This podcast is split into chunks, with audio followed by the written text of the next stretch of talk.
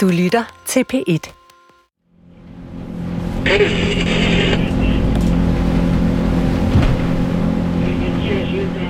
Den lille jolle med den hissige 300 hestes motor bagpå pløjer gennem Semmelig-fjordens kolde vande. Og den unge skipper med en smøg i mundvigen manøvrerer vand udenom kæmpe isbjerge og små isskosser, der bliver tættere og tættere, jo længere vi kommer op i fjorden. Ja, nu har vi jo så sejlet godt en uh, tre kvarter fra uh, Tarsilak, og er nu i, uh, oppe i Sermelikfjorden, og det vi kan se her ret frem for os nu, det er jo uh, den gletsjer, vi skal op og, op og måle på her uh, de næste par dage.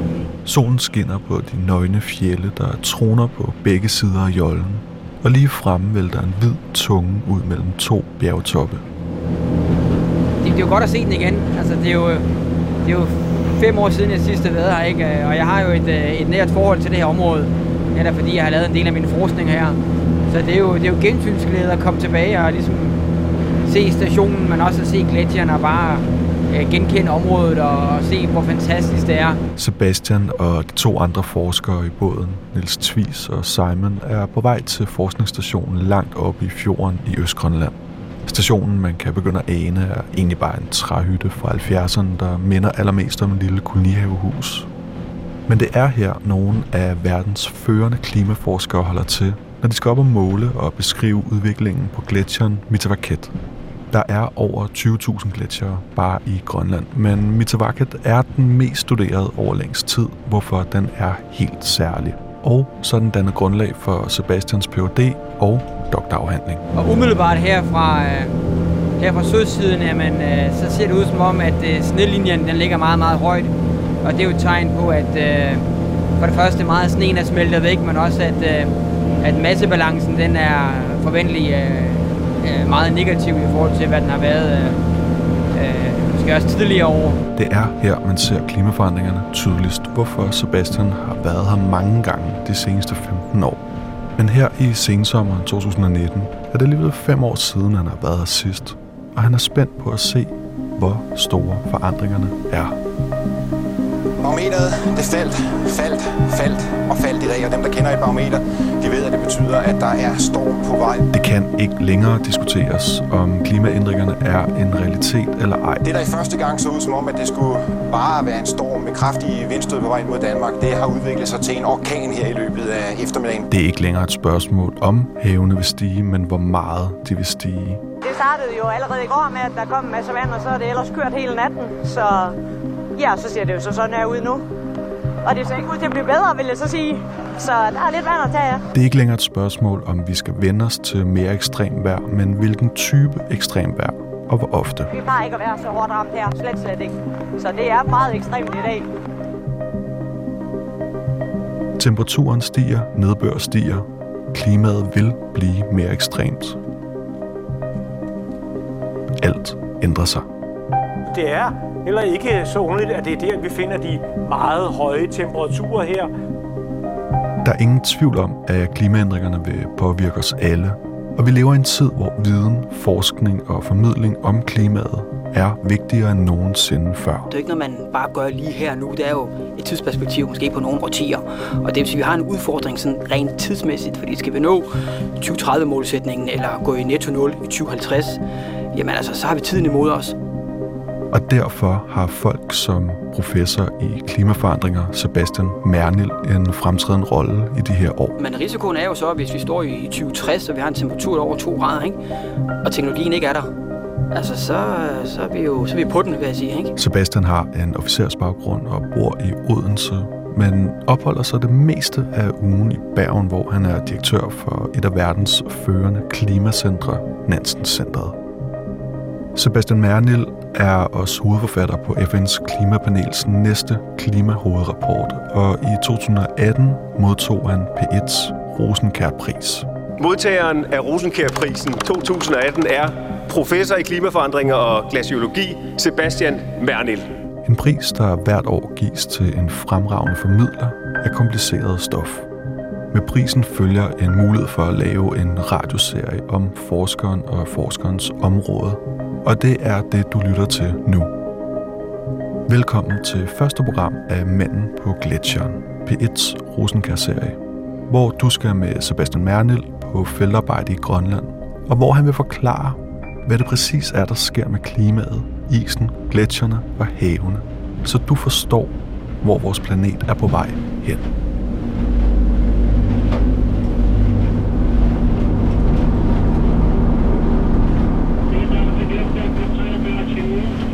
Jollen nærmer sig forskningsstationen, og skipperen tager farten af motoren. Men øh, ja, nu er vi her. Samlik-stationen i Østgrønland. Det er super fedt at være tilbage igen. Det er sgu, øh, det er, sgu, ja, det er virkelig gensynsglæde. Så jeg håber, at vi får et par, et par gode dage her, hvor vi kommer ud og oplever, altså, hvor unikt det her område det i grunden er. Det er jo, det er jo ren natur. Øh, gletsjer, der ligger i landskabet, og snefaner og, og flotte geologiske formationer, man ser, ikke? Altså flotte klippepartier, ikke? Så det er en... Øh, ja, det er et fedt sted.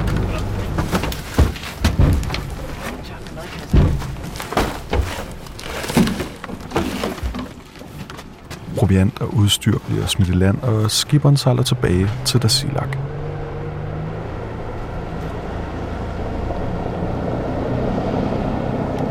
Så udsigten her bliver jo ikke meget smukkere, hva'? Nej. Altså, du har udmundingen af Sermelikfjorden, og jeg ved ikke, hvad ligger der her? En 20 isbjerg i den her lille bugt, ikke? Solen står højt, der er ikke en vind, der rører sig. Jeg ved ikke, hvor varmt er det? 15 grader? 20 grader nu? Det føles enormt varmt. Ikke? Det er det, ikke? Der er ikke så mange myg. Nej. Ikke? Der plejer at være sådan en husrev, der løber lidt rundt her. Det skal nok komme frem på et tidspunkt. Øhm, ja. Og så har vi så gletsjeren på den anden side af det her, det her fjeld, ikke? Så i morgen skal vi så gå gennem en slugt ned mod kysten og stranden, og så dreje til venstre, og så gå ind igennem den dal, der ligger på den anden side af, af fjeldene her, ikke? Og så begynder vi at kravle op på isen. Så Glæder du dig til at komme derop? Ja, jeg synes det er spændende at se, hvor langt den egentlig har, har trukket sig tilbage ikke, i forhold til, da jeg var i, i 2014, så det bliver interessant. Øh, og så er det hyggeligt at komme tilbage i et område, hvor man har brugt meget sin tid. Øh, det er jo lidt et... Det har jeg haft mit akademiske spring, ikke, kan man sige. Eller her, hvor jeg har udviklet min viden ikke, på baggrund af klimaforståelsen og indvirkningen på de små gletsjer, for at tage den viden og bringe den op på indlandsisen og køre modeller for indlandsisen. Ikke? Og for andre iskapper og isskjolde og den arktiske isskjold og alle de her gletsjer, der er kluden rundt. Så man kan sige, det her, det her fundamentet, det er skabt ikke. Det er lidt barndomsskade, kan man sige. Du kommer tilbage til, til der, hvor det hele det begyndte. Det er super hyggeligt.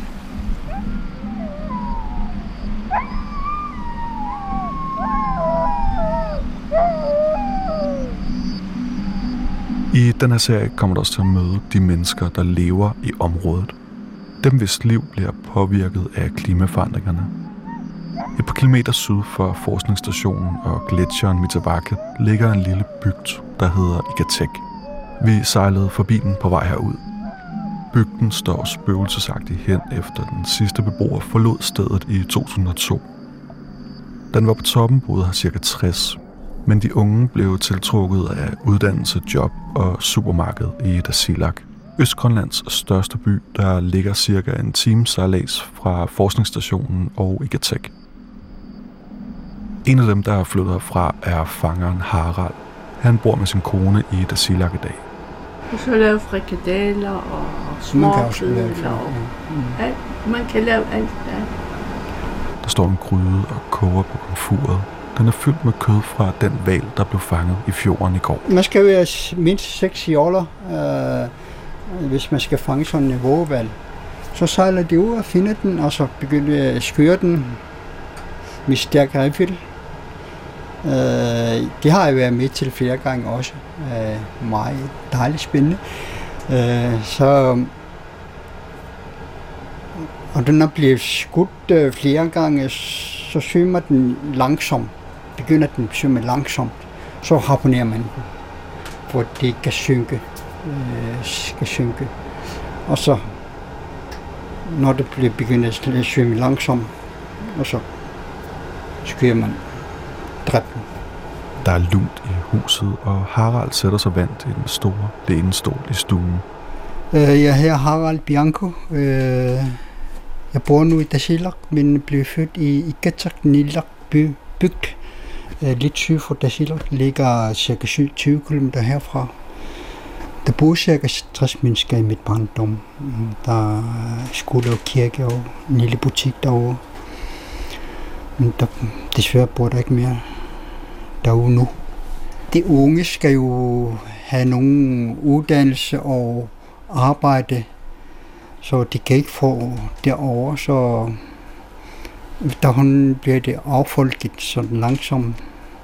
Hvad betød gletsjeren for bygden, hvor du voksede op, da du var lille?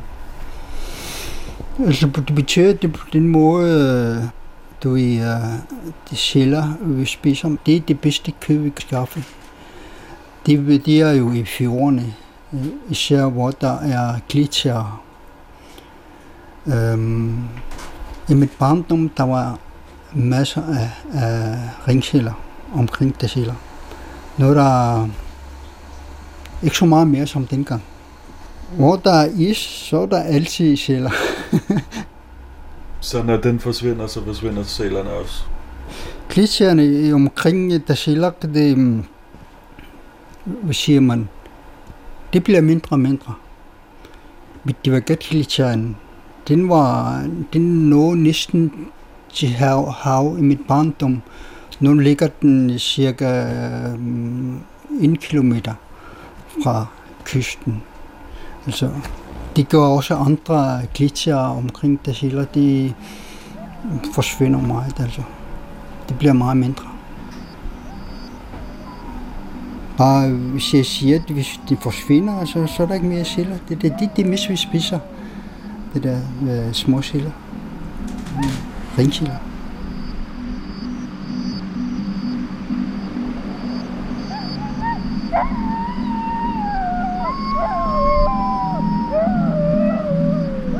De lokales fortællinger om klimaforandringerne står i stor kontrast til Sebastians forskning, men de understøtter alligevel hinanden. Sebastian behandler massiv data fra Mitavaket og kan dermed også se og følge med i forandringerne. De lokale, de bor midt i det. 50 Green and navigation and warning number 27 slash, slash 19. South coast of Greenland, Narsarquistuk, Frederiksdal. The rear light on Frederiksdal Recon in precision 59 degrees, 59.11 north, 044 degrees, 39.64 west. Der skal tages højde for mange ting, før Sebastian og forskerne bevæger sig op til gletsjeren til fods. Har ikke noget internet, så vejrudsigten og andre varsler skal høres dagligt på den skrættende VHF-radio. Jamen altså, det vi gør nu, det er, at vi tjekker det udstyr, vi skal med op. Og det vil sige, at vi går lige igennem, hvilke opgaver vi skal, øh, vi skal have løst øh, her i løbet af dagen. Øh, nogle af de ting, vi vil se på i dag, det er, at vi gerne vil øh, have opmålt øh, gletsjeranden, Øh, nu sidder jeg lige her og kigger på, på data fra tidligere år, for at se om, om øh, koordinaterne de ligger i et UTM-system eller, eller i et, øh, i et, et, et gradesystem. Øh, det vil sige, at GPS'en skal lige sættes op, så vi kan øh, få målt øh, positionerne øh, øh i det rigtige system. Dernæst så har øh, Niels Tvis og Simon de har lige øh, fundet borestyret frem. Øh, vi skal op og bore de her øh, stager, som er på gletsjeren. Og det vil sige, at det er nogle større, vi måler år for år, for at se, jamen, hvor meget har, hvor meget har isen øh, smeltet ned øh, fra øh, 1. august og til 2. august. Så det må vi lige fundet frem nu. Vi har fundet øh, batterierne frem til boremaskinerne. Øh, og vi har sandsynligvis også øh, gang i satellittelefonen derovre, øh, kan jeg høre. Øh, vi har også vores øh, albedometer med, hvor vi måler, hvor meget energi, der enten bliver øh, absorberet på overfladen, eller meget, der bliver reflekteret tilbage til, til verdensrummet, for at få et indtryk af, jamen, hvad er den energi til rådighed til f.eks. afsmeltning. Øh, så vi har gang i forskellige øh, udstyr nu her, lige for at sikre os, at de virker, men også for at sikre os, at vi har det hele med. Ja. It's working. Yeah, maybe. Hvorfor skal man have telefon med? Jamen, det er altid godt at have det med i tilfælde af, der skulle ske noget. Altså, vi render rundt på en gletsjer, og der er jo både øh, øh, sprækker og øh, det, vi kalder mulænger, altså hvor smeltevandet løber ned i sådan en brønd, ikke, og fortsætter ned under bunden af isen. Ikke? Så skulle uheldet være ude, jamen, så skal vi selvfølgelig have fat i omverdenen. Øh, så det er klart, at den skal jo virke, og den skal være med. Øh, så det er jo af sikkerhedsmæssige årsager. Er du teknisk anlagt? Ja, det er faktisk. Øh, forholdsvis. Øh, ja. Øh, og sådan er det jo som akademiker, ikke? Altså, en del, i hvert fald inden for vores fag, en del er jo at være øh, akademikeren, der kigger på regnark og tendenser og kurver, forstår processer. Hvad sker der i atmosfæren, hvilken indvirkning har det på for eksempel den smeltende is her, ikke? Øh, noget andet er også at være håndværkeren. Ikke? Fordi vi nu er ude her, jeg render rundt og måle, jamen, så er det jo de håndværksmæssige færdigheder, vi bruger. Øh, knap så meget som de akademiske. Ikke? Så skal tingene fungere. Ikke? Er der en skrue, der mangler eller noget andet, så må man jo løse problematikken på stedet, ikke? og der skal man være lidt teknisk anlagt for, for at kunne løse det. Fordi der er langt væk her, eller der er langt vej herfra til nærmeste supermarked. Ikke? Altså vi er ude i, i den grønlandske natur, ikke? og står der mangler noget, så har du det ikke lige ved hånden, og så må du jo få det løst øh, på bedste beskub.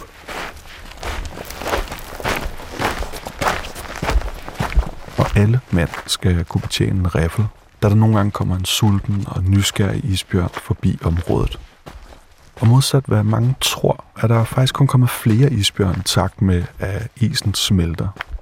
Modsat mennesker, der har sværere ved at fange sæler, jo mindre is der er, har isbjørnene faktisk lettere ved det, hvorfor de har rigeligt med.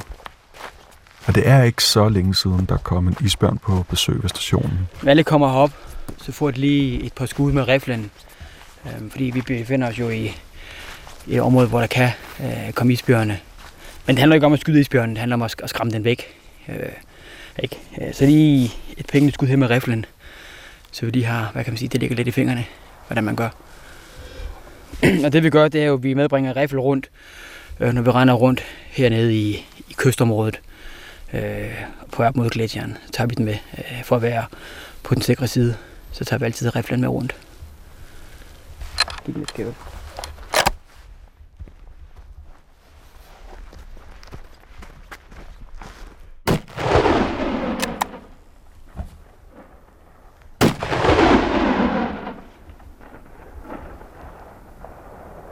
Godt. Jamen, øh... så er vi skudt. Så tror jeg, vi er klar til at komme ud. Er det dig, der tager riflen? Ja, det kan jeg godt. Godt. Jamen, så lad os da komme afsted. Ja.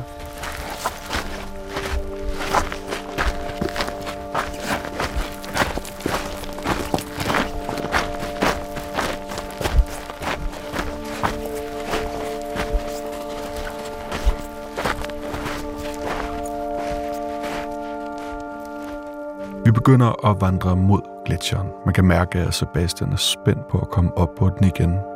Se, hvor langt den har trukket sig tilbage. Men først venter en meget hård tur gennem en smal dal. Hele vejen op til randen af Mitavaket. Jamen, nu er vi jo så kommet afsted fra hytten her til morgen, og vi har gået i en 10 minutters tid igennem en lille slugt og kommet ud på den her, den her åbne strand. Øh, drejet rundt om et klippeparti, og nu kan vi så se i det fjerne øh, gletsjeren øh, et par kilometer væk. Øh, det vi kan se, er, at den ligger cirka et par hundrede meters højde, så det er der, vi skal op. Men inden vi kommer dertil, så går vi igennem et, et gammelt øh, glacialt landskab, hvor man kan se nogle gamle randmoræner. Og vi står faktisk ved en her, øh, cirka et par hundrede meter fra selve kysten. Når isen bevæger sig frem, så doser den jo ligesom jorden op foran sig, ikke? og danner sådan en, øh, en vold rundt om isens rand. Og det er jo den, vi kan se her. Det er jo sådan en, øh, hvad kan man sige, en, en, lille langstrakt vold, hvor isen havde sin maksimale udbredelse. Det vil sige, den har så doset jorden op, fordi det var her til den kommer ikke længere. Og her stod gletsjeren altså øh, fremme omkring år 1900. Øh, så hvis du sammenligner med, hvor gletsjeren er nu, og så i forhold til, hvor den var omkring år 1900, ikke, jamen, så er der jo et par kilometers forskel. Og det vil sige, at isen har trukket sig tilbage over den tidsperiode.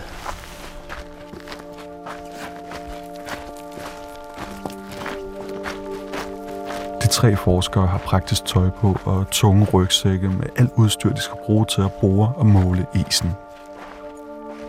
Morgentogen er ved at lette, og farverige blomster blafrer os på vej i vinden. Her til højre kan vi se øh, deltaget øh, og Samalikfjorden, og til venstre bag ved de her øh, fjelle, der har vi så gletsjerne. Ikke? Men det interessante ved det her sted, det er, at man kan mærke øh, søbrisen komme ind ud fra, ud fra fjorden af. Og det vil sige, det køler selvfølgelig, og det vil sige, her har vi jo øh, nogle temperaturer, som jo, hvad kan man sige, dels er påvirket af søbrisen, men som også er påvirket af de faldvind, der kommer fra gletsjeren. Og lige præcis der, midt imellem, der har vi øh, de højeste temperaturer, ikke? Netop fordi øh, landskabet er påvirket de her to miljøer. Og det er en viden, vi bliver nødt til at, i hvert fald forstå og, og måle på, netop hvis vi, hvis vi gerne vil øh, øh bruge vores computermodeller at regne på isen der, ikke prøve på at køre øh, massetæppet tilbage i tiden, eller prøve på at køre det frem i tiden, så skal vi selvfølgelig forstå de, øh, de lokale øh, klimatiske forhold her. Øh, fordi hvis vi ikke har dem korrekt i vores modeller, og hvis vi ikke forstår dem på baggrund af vores observationer, jamen, så er det svært for os at, at køre vores computermodeller, altså modellere på isen, for at finde ud af, hvordan den reelt opfører sig de steder, hvor vi ikke måler på den, men også for ligesom at få et, et helhedsindtryk. Så vi skal forstå hvad kan man sige, nutiden for at kunne beregne os tilbage til fortiden, men også ud i fremtiden. Kan du mærke det et par år siden, du er gået op af... Ja, altså nu er vi kun kommet 75 meter op. Jeg tror, det bliver hårdere, når vi kommer længere op. Det bliver lidt mere stejlt, end her, hvor vi står nu. Men jeg kan godt mærke, at, øh, at jeg har et par ekstra kilo mere at slæbe på. Det er da ikke en hemmelighed. Målingerne af klimaet og gletsjerforholdene er vigtige data, så Sebastian og hans hold kan udvikle modeller og forudsigelser for, hvordan det står til med nedsmeltningen fremover. De mange små gletsjere som Mitavakat smelter i dag fire gange hurtigere, end de gjorde i 80'erne. Og de står for 20% af den samlede stigning af havene. Man skal se sig for for hver eneste skridt. Vi hopper over små åer af smeltevand og balancerer på kanten af en bjergryg med grus og løse sten, imens opstigningen bliver mere og mere stejl. Hvad? Rimelig stejl. Jo, det kan nok sige. Kigger man bagud, ligger Samalikfjorden med hundreder af kæmpe isbjerge, der bliver mindre og mindre, jo højere vi kommer op. Jamen, øh, nu kommer vi op igennem øh, øh, dalen her, og vi er vel været i 200 meters højde, øh, her hvor vi står nu. Og her ser vi jo så øh, gletsjeren 200-300 meter fremme, vil jeg sige. Det er lidt svært at afstandsbedømme. Øhm, da jeg kom her første gang i, i 2004, der stod gletsjeren øh, godt 20-25 meter foran os her, lige hernede i lavningen. Så den er altså trukket sig markant tilbage øh, siden 2004. Senest i 14, da jeg var her, der er gletsjeren, der hvor du kan se de to personer, de går nu. Og det er måske været 1.500-200 meter fremme. Ikke? Så det, der er ingen tvivl om, at, at den her gletsjer i Østgrønland, den trækker sig hastigt tilbage. Øh, vi har lavet beregninger øh, gående fra øh, år 1900 og frem til øh, 2015. Der kan vi se, at, at den her rand har trukket sig i gennemsnit øh, 16-17 meter tilbage hvert år. Det er ret så meget. Men noget andet, der er interessant, det er også, at den, bliver jo også, den sætter sig også i højden. Ikke? Og det er som sagt, eller ikke som sagt, men da jeg kom her i, i 04, jamen der var den måske en 40-50 meter højere, end den er i dag. Så den, den sætter sig jo og bliver mindre og mindre. Ikke? Plus også, at når vi kigger på den, så er den jo meget beskidt. Den er meget grå øh, og brun og sort. Og det er jo fordi, der er en masse materiale, der smelter igennem gletsjeren og smelter ud på overfladen, men også noget, der bliver blæst ind eller ruller ned fra de omkringliggende fjelle, vi ser her. Men det er meget karakteristisk. De fleste folk tænker jo, at en gletsjer den er hvid. Men det er den altså sjældent, når man er hernede øh, i randområdet. Øh, så nu skal vi igennem det her, det her forlandskab, ikke? hvor gletsjeren har været. Og nu går vi så hen til randen og der er vel de her 200-300 meter, øh, vil jeg ligesom skyde på. Ikke? Så det var interessant at stå her igen, øh, og det er også skræmmende, synes jeg, at, at isen har trukket sig så meget tilbage. Øh, vi har lavet nogle beregninger fra, fra 86 og frem til, til 2015, hvor bare i den periode kan vi se, at isen har mistet omkring 30 procent af dens volumen. Altså godt en tredjedel. Øh, og det ender jo kun et sted, det ender kun ude i verdenshavet. Ikke? Og det er jo ikke kun den her gletsjer, det er jo altså adskillige gletsjer her i Sydøstgrønland, men også Grønland som sådan, som jo trækker sig tilbage. Ikke? Øh, vi lavede et studie for et par år siden, hvor vi kiggede på hele Arktis 300 og mere end 310 gletsjer. Ikke? Og det viser sig, at for det arktiske område, jamen der øh, smelter omkring 92 procent tilbage af dem, vi målte på. Så 8 procent blev større. Ikke? Så, så majoriteten af gletsjer i det arktiske område og her i Sydgrønland, jamen de er altså på tilbage to. De bliver mindre og mindre, både i areal udbredelse i volumen og sin middelhøjde. Vi er kommet op over højderyggen, og gletsjeren rejser sig som en gråbrun mur. Foran den er samlet sig en mælkehvid smeltevandssø på størrelse med en fodboldbane. Om lidt skal vi op på isen og finde alle de stager, der blev boret ned for et år siden for at se, hvor meget den er nedsmeltet de seneste 12 måneder. Jamen nu står vi her, hvor, hvor randen den var øh, tilbage i 2014. Øh, og nu er der jo ja, 100 meter fremtidsranden og øh, en kæmpe, kæmpe sø foran. Øh, og det er jo et tegn på, at øh, isen har smeltet tilbage, og noget af det her smeltevand, det jo ligger her foran, ikke kan dræne ud. Øh, så man kan sige, det er jo et landskab, som hele tiden under, under bevægelse. Netop fordi, at isen trækker sig tilbage og øh, ændrer på landskabskonturerne, men også på øh, lavninger depressioner, og hvor vandet kan gemme sig, inden det ligesom øh, dræner ud. Man kan høre smeltevandet herfra. Øh, så selv på en dag med overskyet vejr, jamen så, så er der findes der afsmeltning på isen. Øh, men det interessante er jo, hvad, hvad nettotabet er foråret her, øh, øh, 18-19. Men det vil vi jo godt finde ud af her lige om lidt, når vi begynder at måle det op. Hvad havde du regnet med, når vi nærmede os den? Ja, men jeg havde regnet med, at den, at den stod længere tilbage. Øh, det er klart, fordi der har været en, en negativ øh, massebalance over de seneste par år. Men jeg havde ikke troet, at den stod så langt tilbage. Øhm, så, så det er jo lidt øh, det er interessant videnskabeligt, men det er også øh, overraskende og chokerende, fordi der er ingen tvivl om, at de her mindre gletsjer her i Østgrønland, de er jo, de er på tilbage tog, ikke? Så spørgsmålet er jo bare, om vi taler om, om 80 år, før den er væk, eller 100 år. Men med en middelafsmeltning på 1 meter per år, og er den nu omkring 85-90 meter tyk i gennemsnit, så kan man jo selv regne ud, at øh, så er der omkring 85 år tilbage i den, ikke? For den er væk. Hvis vel er med klimaet fortsætter den udvikling, vi har set over de seneste mange årtier.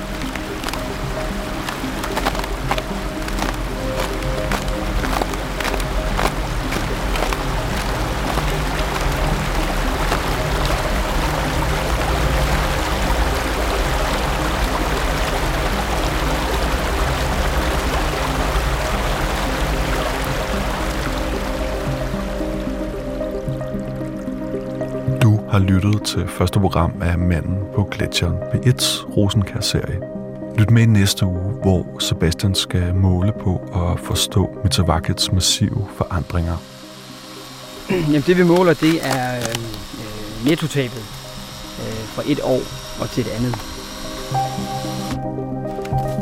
Programmet er tilrettelagt af Amanda Bøje Hvid og Mads Peter Kynel. Redaktør er Rune Spar Gertsen. Gå på opdagelse i alle DR's podcast og radioprogrammer. I appen DR Lyd.